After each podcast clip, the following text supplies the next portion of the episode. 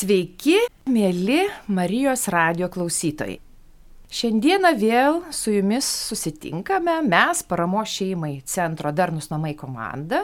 Ir laidoje dalyvaujame mes dviese, aš, Jorūnė Višniauskytė Rimkienė, pozityvios tėvystės konsultantė, socialinė darbuotoja, šio centro vadovė ir Vytauto didžiojo universiteto docentė, bei mano mėla kolegė Diana Nefienė ir Diana prašyčiau prisistatyti, kas patiesi. Aš taip pat esu darnių namų socialinė darbuotoja, konsultantė ir lektorė darnos namai, bet pagrindinis mano darbas yra psichikos veikatos centre. Socialinė darbuotoja buvau pirmoji socialinė darbuotoja atėjusi į psichinės veikatos centrą, kai jie kūrėsi ir jau virš 20 metų. Ten bedirbdama tiesiog neišvengiamai susidomėjau psichoterapija ir turiu grupinės psichoterapijos išsilavinimą. Ačiū Diana. Ir kažkaip norisi mūsų klausytojams truputėlį tokį įvadą padaryti, nes ruoždamasi laidai abi ilgai svarstėme, kokią visgi temą šiandien jums, mėly klausytojai, atnešti ir aptarėme nemažai galimybių apie ką kalbėti, bet savotiškai ir neoriginalios liksim, nes kitos temos, be tos, kaip šiandieną gyvename, mes neradome. Visgi manome, kad dabartis, kalbėjimas apie dabartį, apie tai, kaip save ir savo namiškius stiprinti ir pilnavertiškiau išgyventi šį neįprastą laikotarpį, vis tiek pats svarbiausias klausimas, kurį reikėtų aptarti.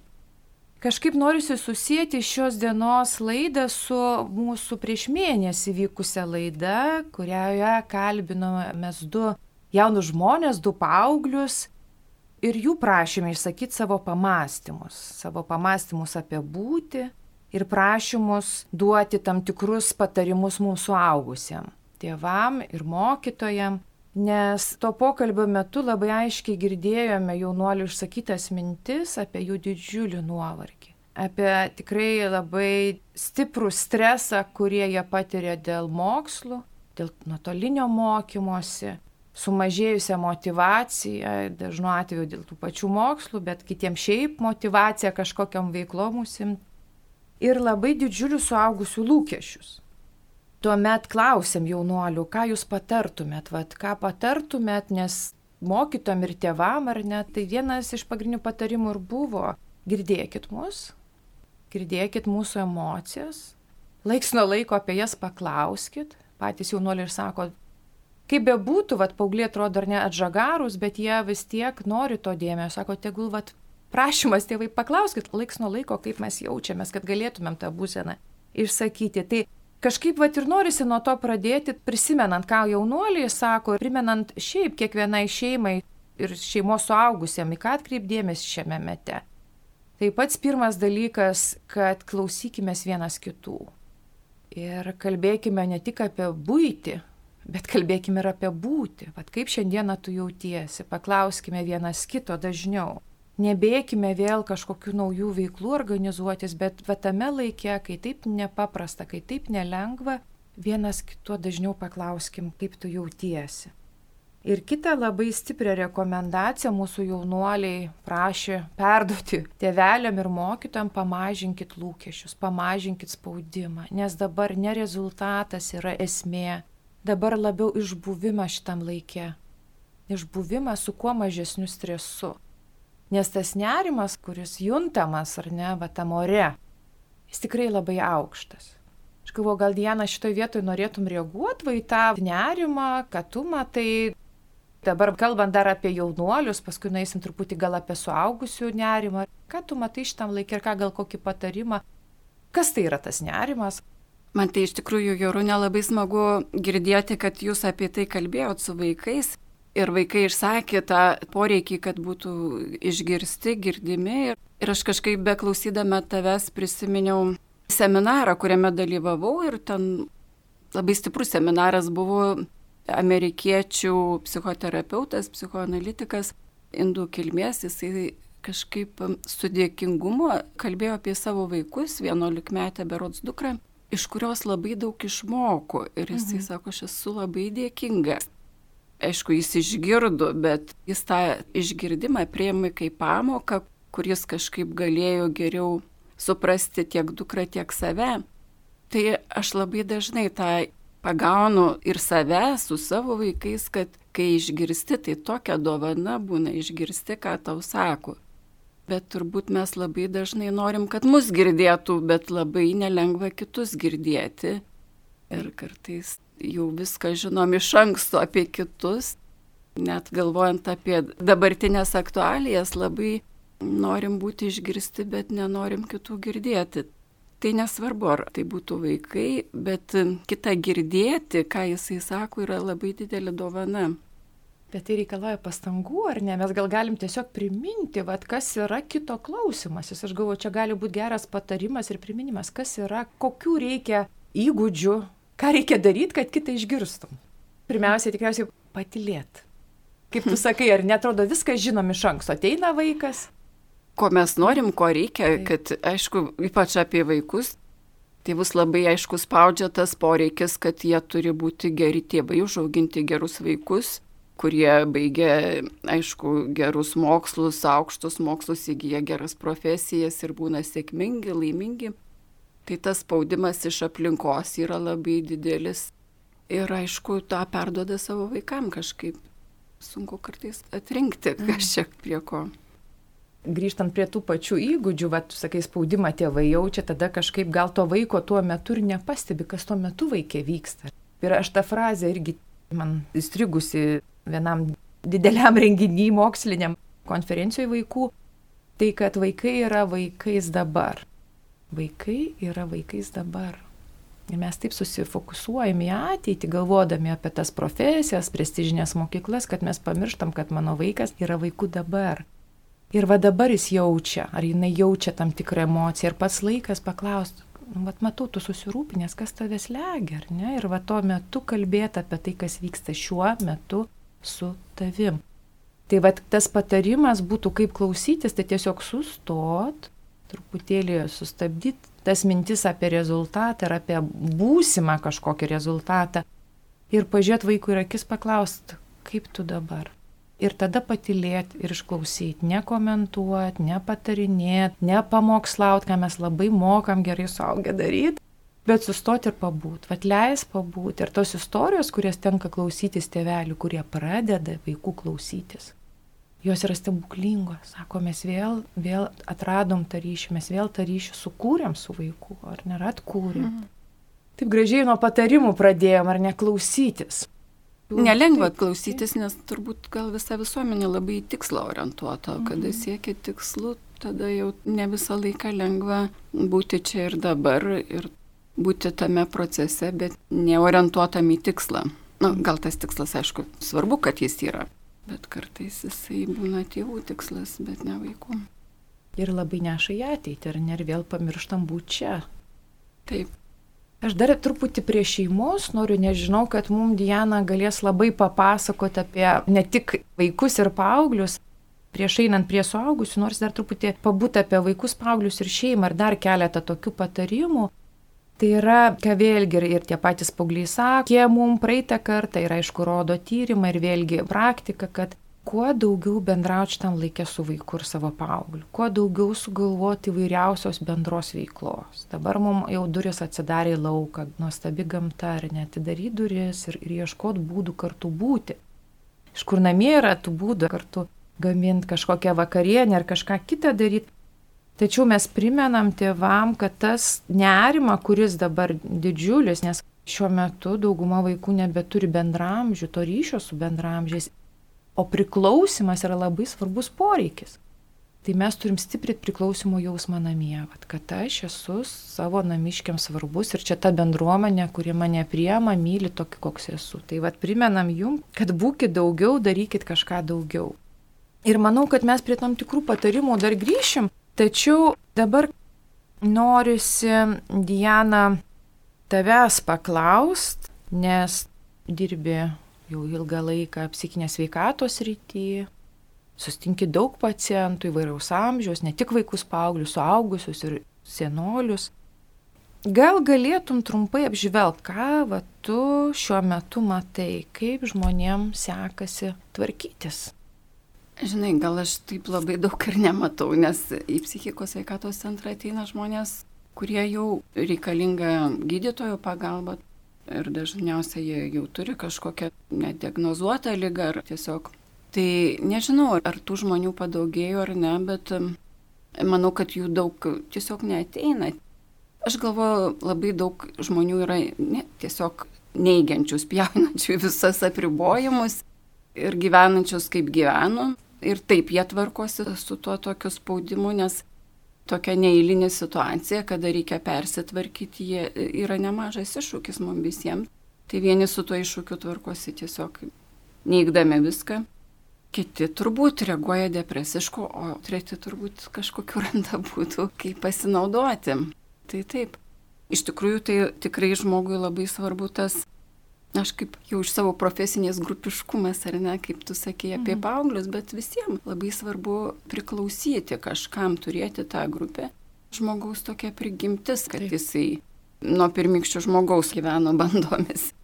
Ir tas poreikis yra didžiulis. Ir jisai turbūt jau genuose užkoduota, kad jis visą laiką yra kažkokioj grupiai. Šeimoje, mokykloje, darbe, visą laiką. Ne visą laiką lengva toj grupiai būna. Taip reikia juos girdėti, norisi užsidaryti nuo tų, kurie nepatinka. Būti grupėje. Šiandien dar vis nelabai galime toj grupėje būti, bet galbūt yra būdų, kaip rasti tą grupę. Ir tie nuotoliniai būdai laukia galime ieškoti. Tas pats telefonas, kad aš visgi galiu pasiskambinti, nes vienas iš kvietimų yra nors kartą dienos su kažkuo ypač va tie, kurie vieni gyvena ar tai vyresnio amžiaus žmogus, ar netgi, kadangi esu ir dėstytoja, ar ne universiteto, ir su jaunai žmonėm bendrauju, kurie vieni gyvena, sako, saugom savo tėvus, gyvenam vieni. Ir jie tokį vienišumą transliuoja, va aš, kadangi dirbdama su studentais kiekvieną kartą susikus klausiu, kaip jūs šiandieną laikotės. Tai labai daug net iš jaunų žmonių vienišumo jausmo tokio daug justi. Tai priminimas kartą dienos su kažkuo pabendrauti, su kažkuo, kas tau va artima savotiškai, kuo tu pasitikė. Ir kai tu sakai va grupė, tai pradėkim nuo nors vieno žmogaus, kad kartą dienoje aš palaikau santykį, ar aš paskambinu, ar aš parašau, vienokią ar kitokią formą kontaktuoju.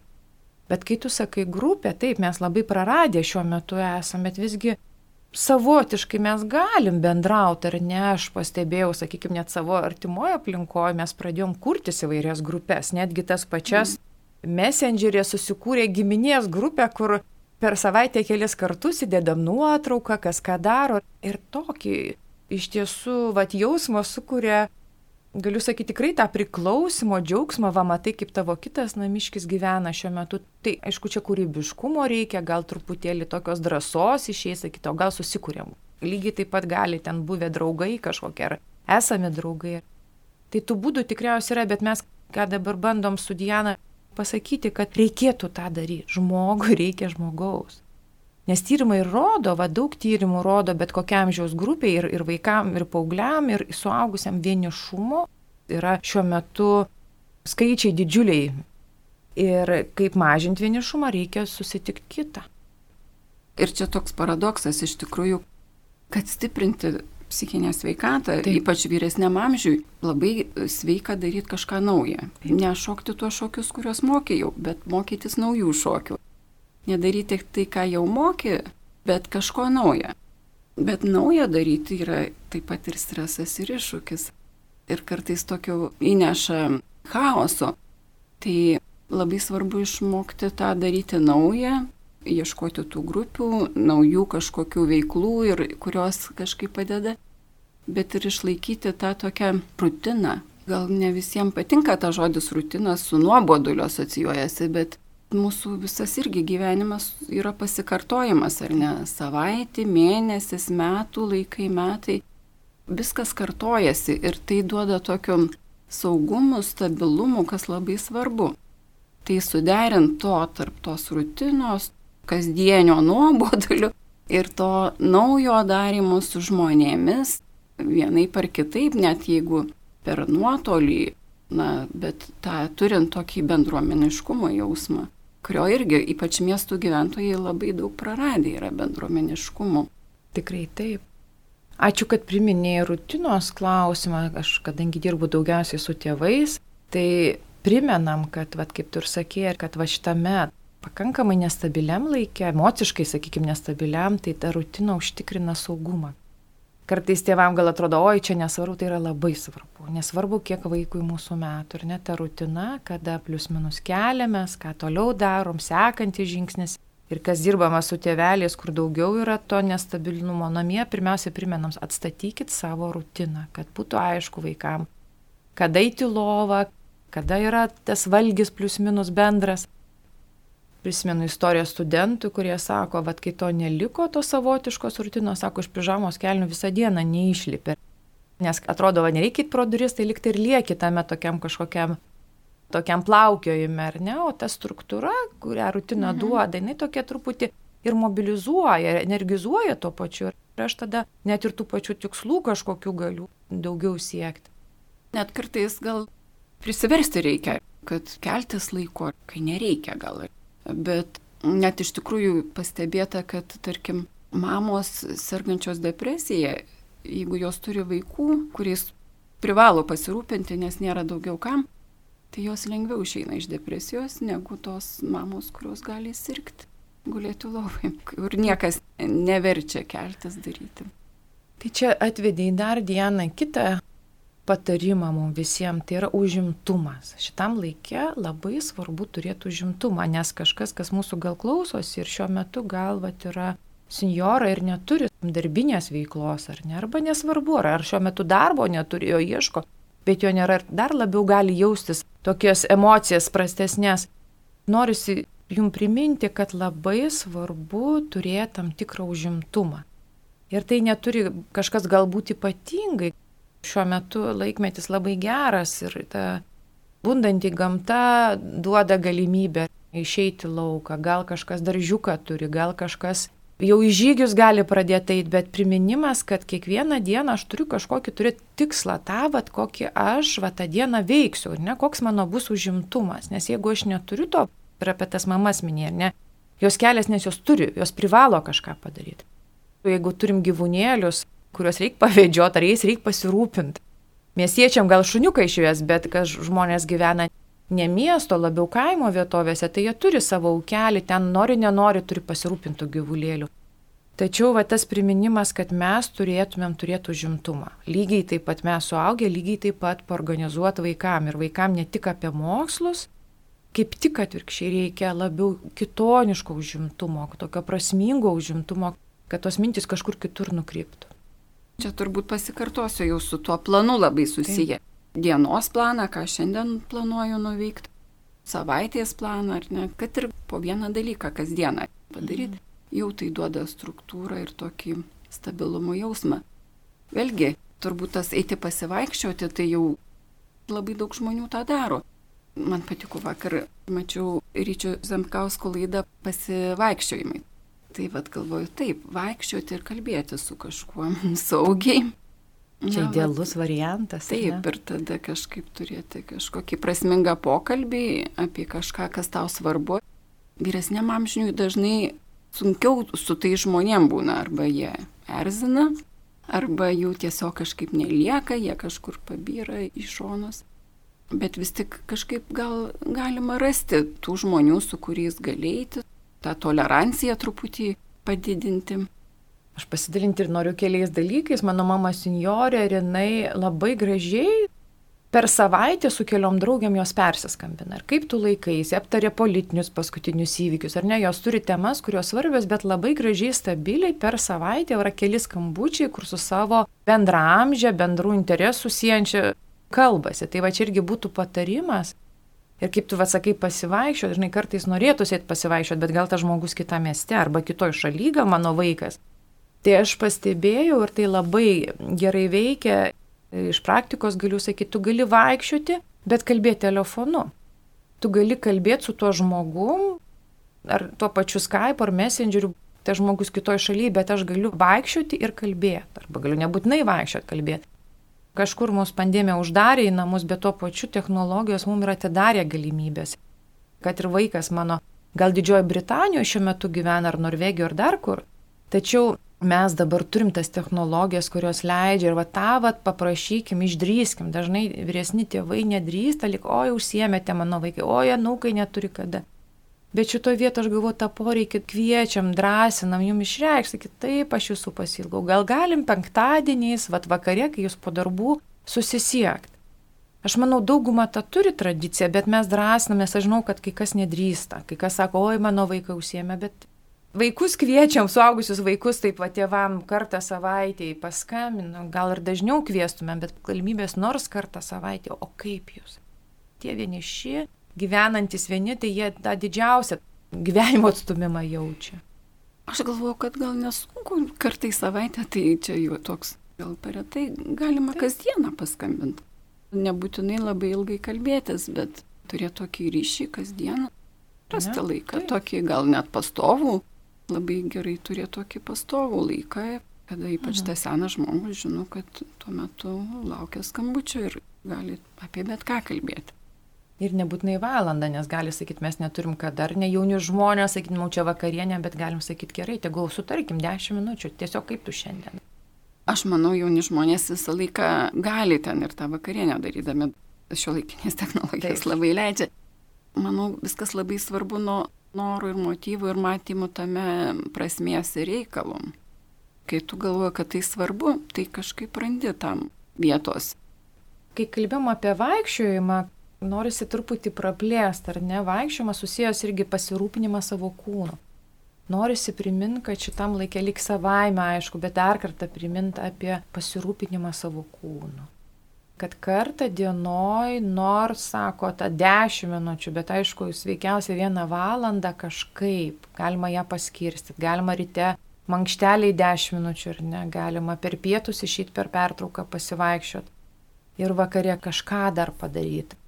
Kvietimas ir priminimas, kad kartą dienoje norim išlaikyti gerą emocinę būsnę, turim pasirūpinti savo kūnu, nes mūsų kūnas yra susijęs su emocijom labai labai stipriai. Ir netgi žvelgiant iš tyrimų pusės, yra nuostabių tyrimų, kurie įrodė, kaip jeigu vat, net depresiškas žmogus, kaip susiję kūnas ir depresija, kad kuo mažiau judi, tuo mažiau tavo emocija ar nėra dinamiška, jinai sustinksta.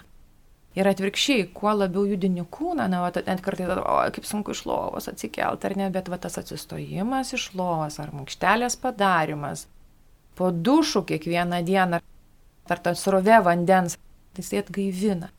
Tai labai norim priminti, nesvarbu, kiek jums metų, brangus klausytojai, bet tas vad kartą dienoj turiu pasirūpinti savo kūnu, nes taip rūpinosi savo emocijom ir taip irgi rūpinosi savo sielą, nes sveikam kūnė sveika siela, tai labai jums tą priminimą noriu.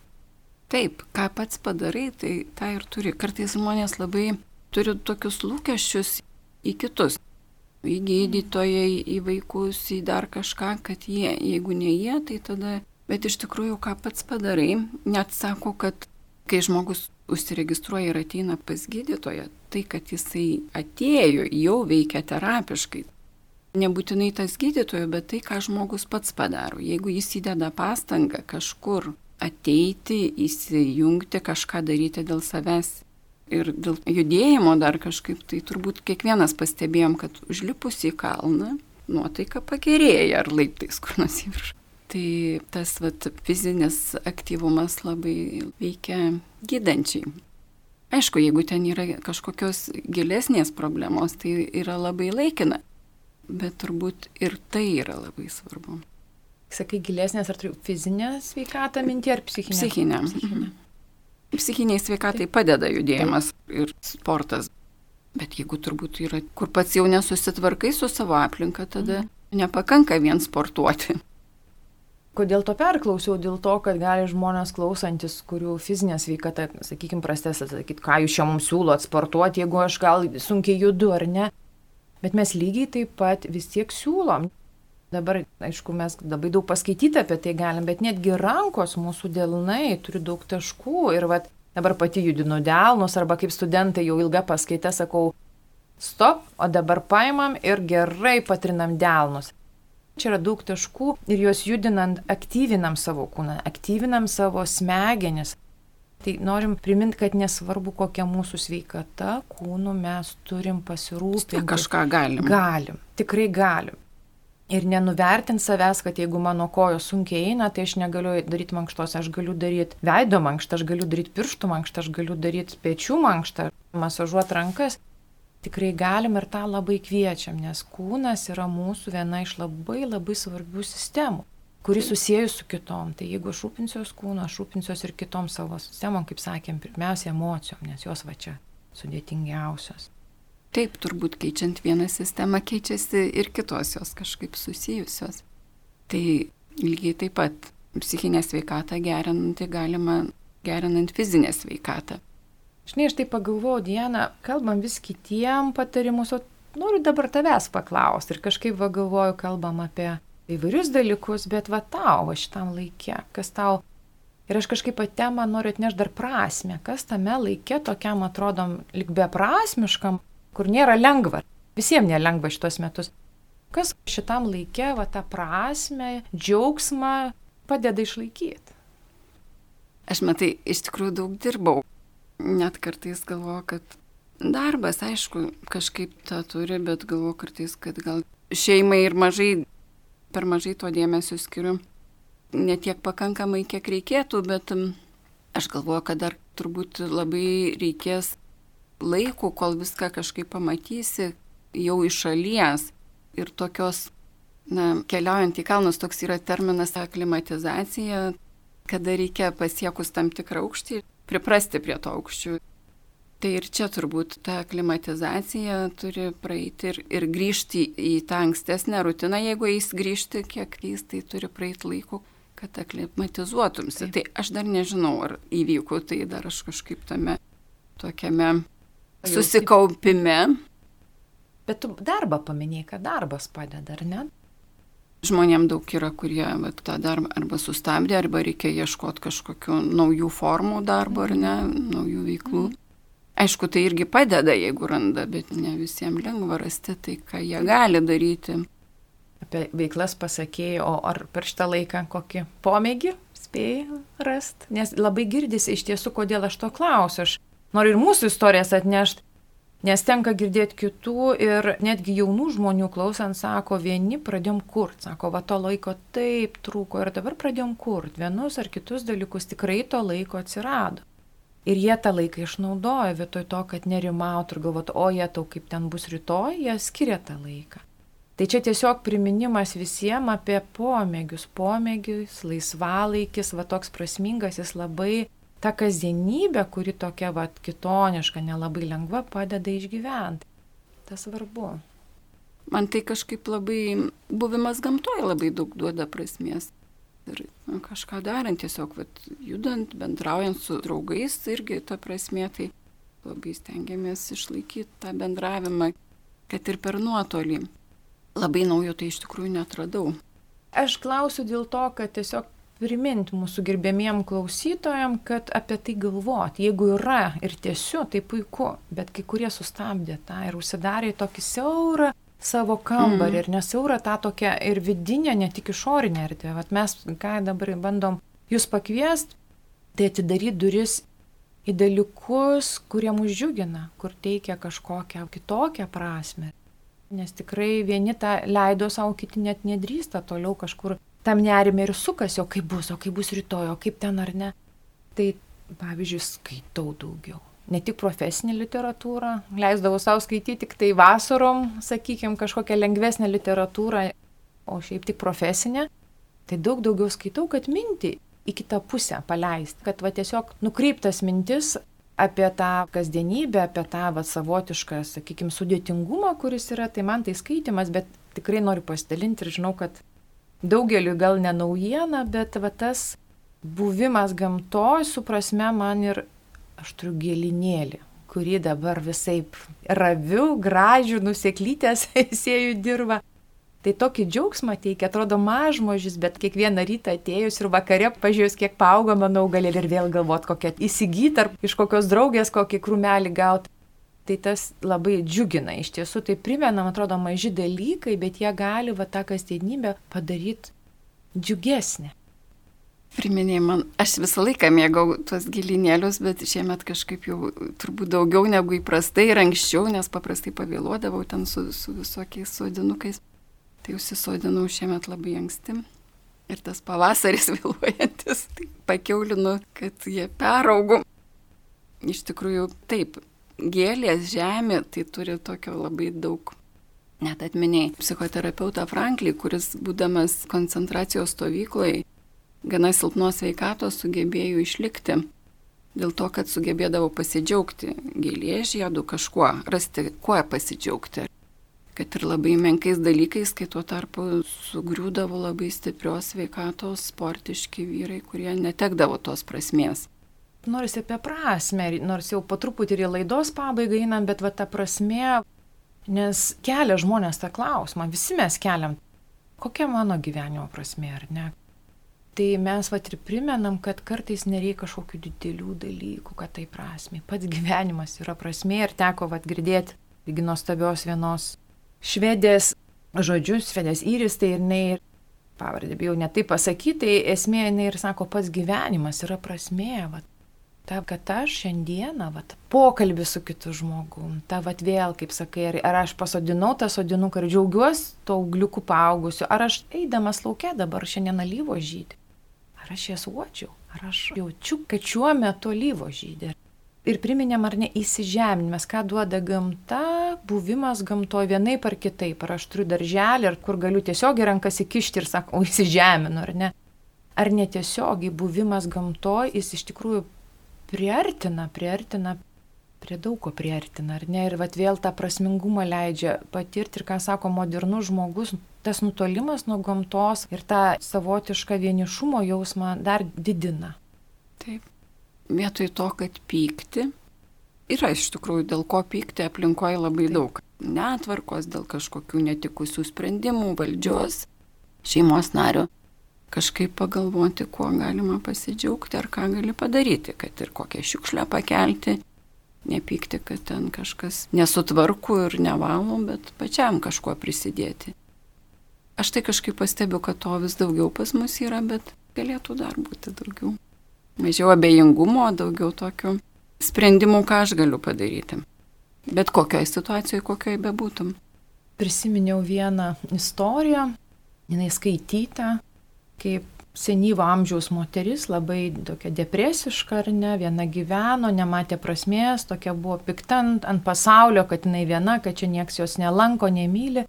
Ir jos vienas artimas žmogus, jisai būtent psichinės veikatos specialistas, tai močiutėje sako, o jūs labai mokat gėlės auginti kambarinės. Ir jisai patarė, sako, jūs negalėtumėt sodinukų prisodinti į vazonėlius, nes vad girdėjau, sako, va ten jūsų kaiminystėje krikštynos. Paskui dar kažkas. Ir ką jinai pradėjo daryti, jinai vietoj to, kad pykti, būti nelaiminga ir kad apleista jaustis, jinai tas gėlytės ant paulios pradėjo jinai jas dauginti, vazonėlius sodinti ir dovanot. Čia iš tiesų tikra istorija. Sivystė į tokią, kad ta moteris tapo tos bendruomenės ašis, kuri vat, savo paprastais tokiais daigeliais, bet skleidė meilę ir tą bendruomeniškumą. Tai gal čia irgi vėl mums priminimas, kaip ir tu sakai, Diana, kad ne ką aš vat laukti iš kitų, bet ką aš pats ar pati galiu padaryti, kad save pradžiuginti ir savo artimai, ar ne, kažkokiais gal mažais dalykėliais, gal kažkokiu va. Gal tai... valgyt galiu kažkam padaryti, nunešti. Ir tai ne tik prasme teikia gyvenimui, bet ir tą savivertę labai gali pakelti, kurios mums vis dar trūksta. Bet aišku, tam reikia įsidrasinti. Tai mes drąsinam, ar ne? Taip. Ir ko norėtum gal pabaigti šitą laidą, ką norėtum palinkėti mūsų klausytojams? Tai išdrysti. Išdrysti daryti, veikti, nebijoti būti sukritikuotais, gauti per galvą aišku, darant visą laiką yra rizika, kad kas nors supeiks, bet galbūt kas nors ir pagirs ir nerizikuodamas negausi to apdovanojimo. Tai ačiū. Linkiu rizikuoti ir veikti. Nuostabu, ačiū už gražų palinkėjimą. Aš ir galvoju, daug čia mes minčių išsakėm. dabar apie tą džiaugsmą galvoju, tai aš kažkaip, vat, kad bandyt kiekvieną dieną ras nors mažą dalyką, kuo galiu pasidžiaugti. Nedidelį. Nedidelį. Vat kas šiandieną mane pradžiugino, ne kas mane nuliūdino ar supyti, kas mane pradžiugino. Tai mano kvietimas džiaugtis ir mažais dalykais. Polijana čia labai gerai, va primenu paskaityti, kas dar neskaitėt. Ir džiaugti savim. Nes mes taip pamirštam, kokie mes esam patys nuostabus, esam Dievo kūriniai ir taip pat vėl fokusuotis norime į aplinką, bet kad ir aš galiu pasidžiaugti. Ir būti dėkingu, kad esu šio žemėje, kad galiu šitam laikė gyventi ir būti. Tai gal šitą natą mes po truputį ir norėtumėm baigti šios dienos laidą. Gražų pavasarį ir kadangi artėja vasara, tai palinkėsim gražios vasaros, kurį laiką nesimatysim ar ne, ir kad šitą laiką išnaudotumėm prasmėm, kaip sakai, rizikai ir džiaugsmui. Sudė. Sudė.